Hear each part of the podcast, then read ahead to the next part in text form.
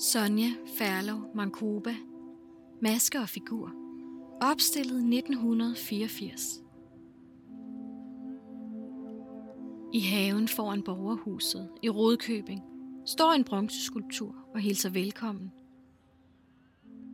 Den er langt fra en klassisk bronzeskulptur, og man må lige stå og se lidt på den, før formerne transformerer sig til noget genkendeligt. Værket hedder Maske og figur og er skabt i årene 1977-1984 af den danske billedhugger Sonja Ferlo Mankoba. Skulpturen er konstrueret som en dobbeltfigur, og det er typisk Mankoba, at der er flere dele i figuren, der taler sammen. I dette tilfælde er der en figur, der står bagved, rager op over og holder den anden frem.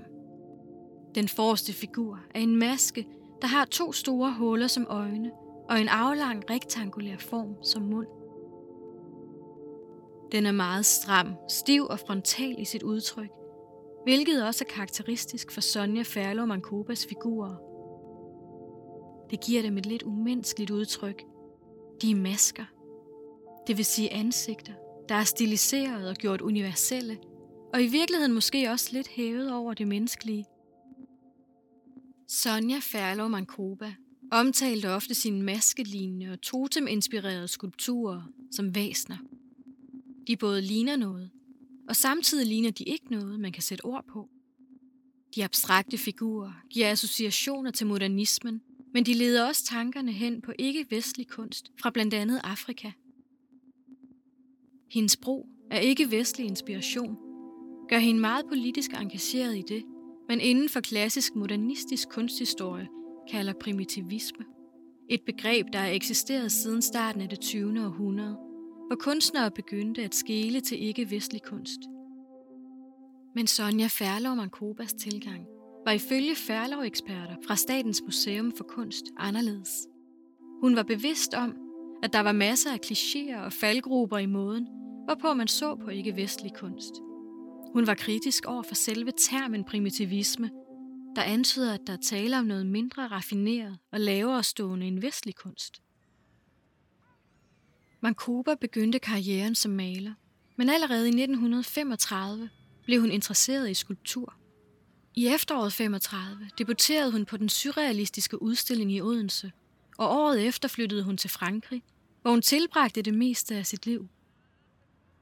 Her mødte hun sin kommende mand den sydafrikanske modernist og avantgarde-kunstner Ernest Mankoba.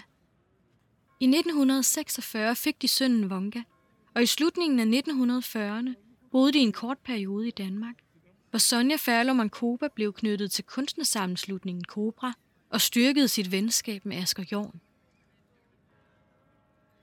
Mankoba-paret oplevede dog åbenlys racisme i det danske samfund og rejste derfor hurtigt tilbage til Frankrig.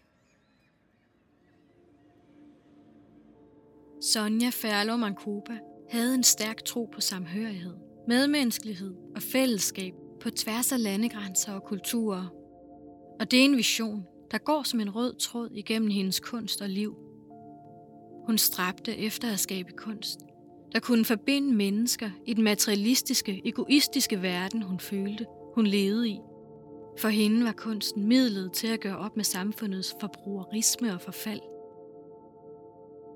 i sin levetid opnåede hun stor anerkendelse i kunstnerkredse og blev beundret af kolleger som Asger Jorn, Ejler Bille og Richard Mortensen.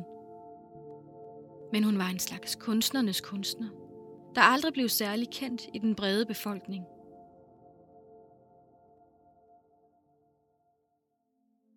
I 2019 havde Statens Museum for Kunst en stor særudstilling med hende, hvor hun endelig fik den fortjente opmærksomhed.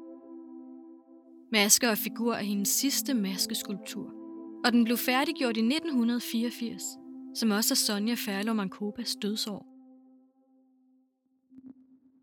Værket er skænket af Albanifonden i anledning af Rudkøbings 700 års købstadsjubilæum i 1987.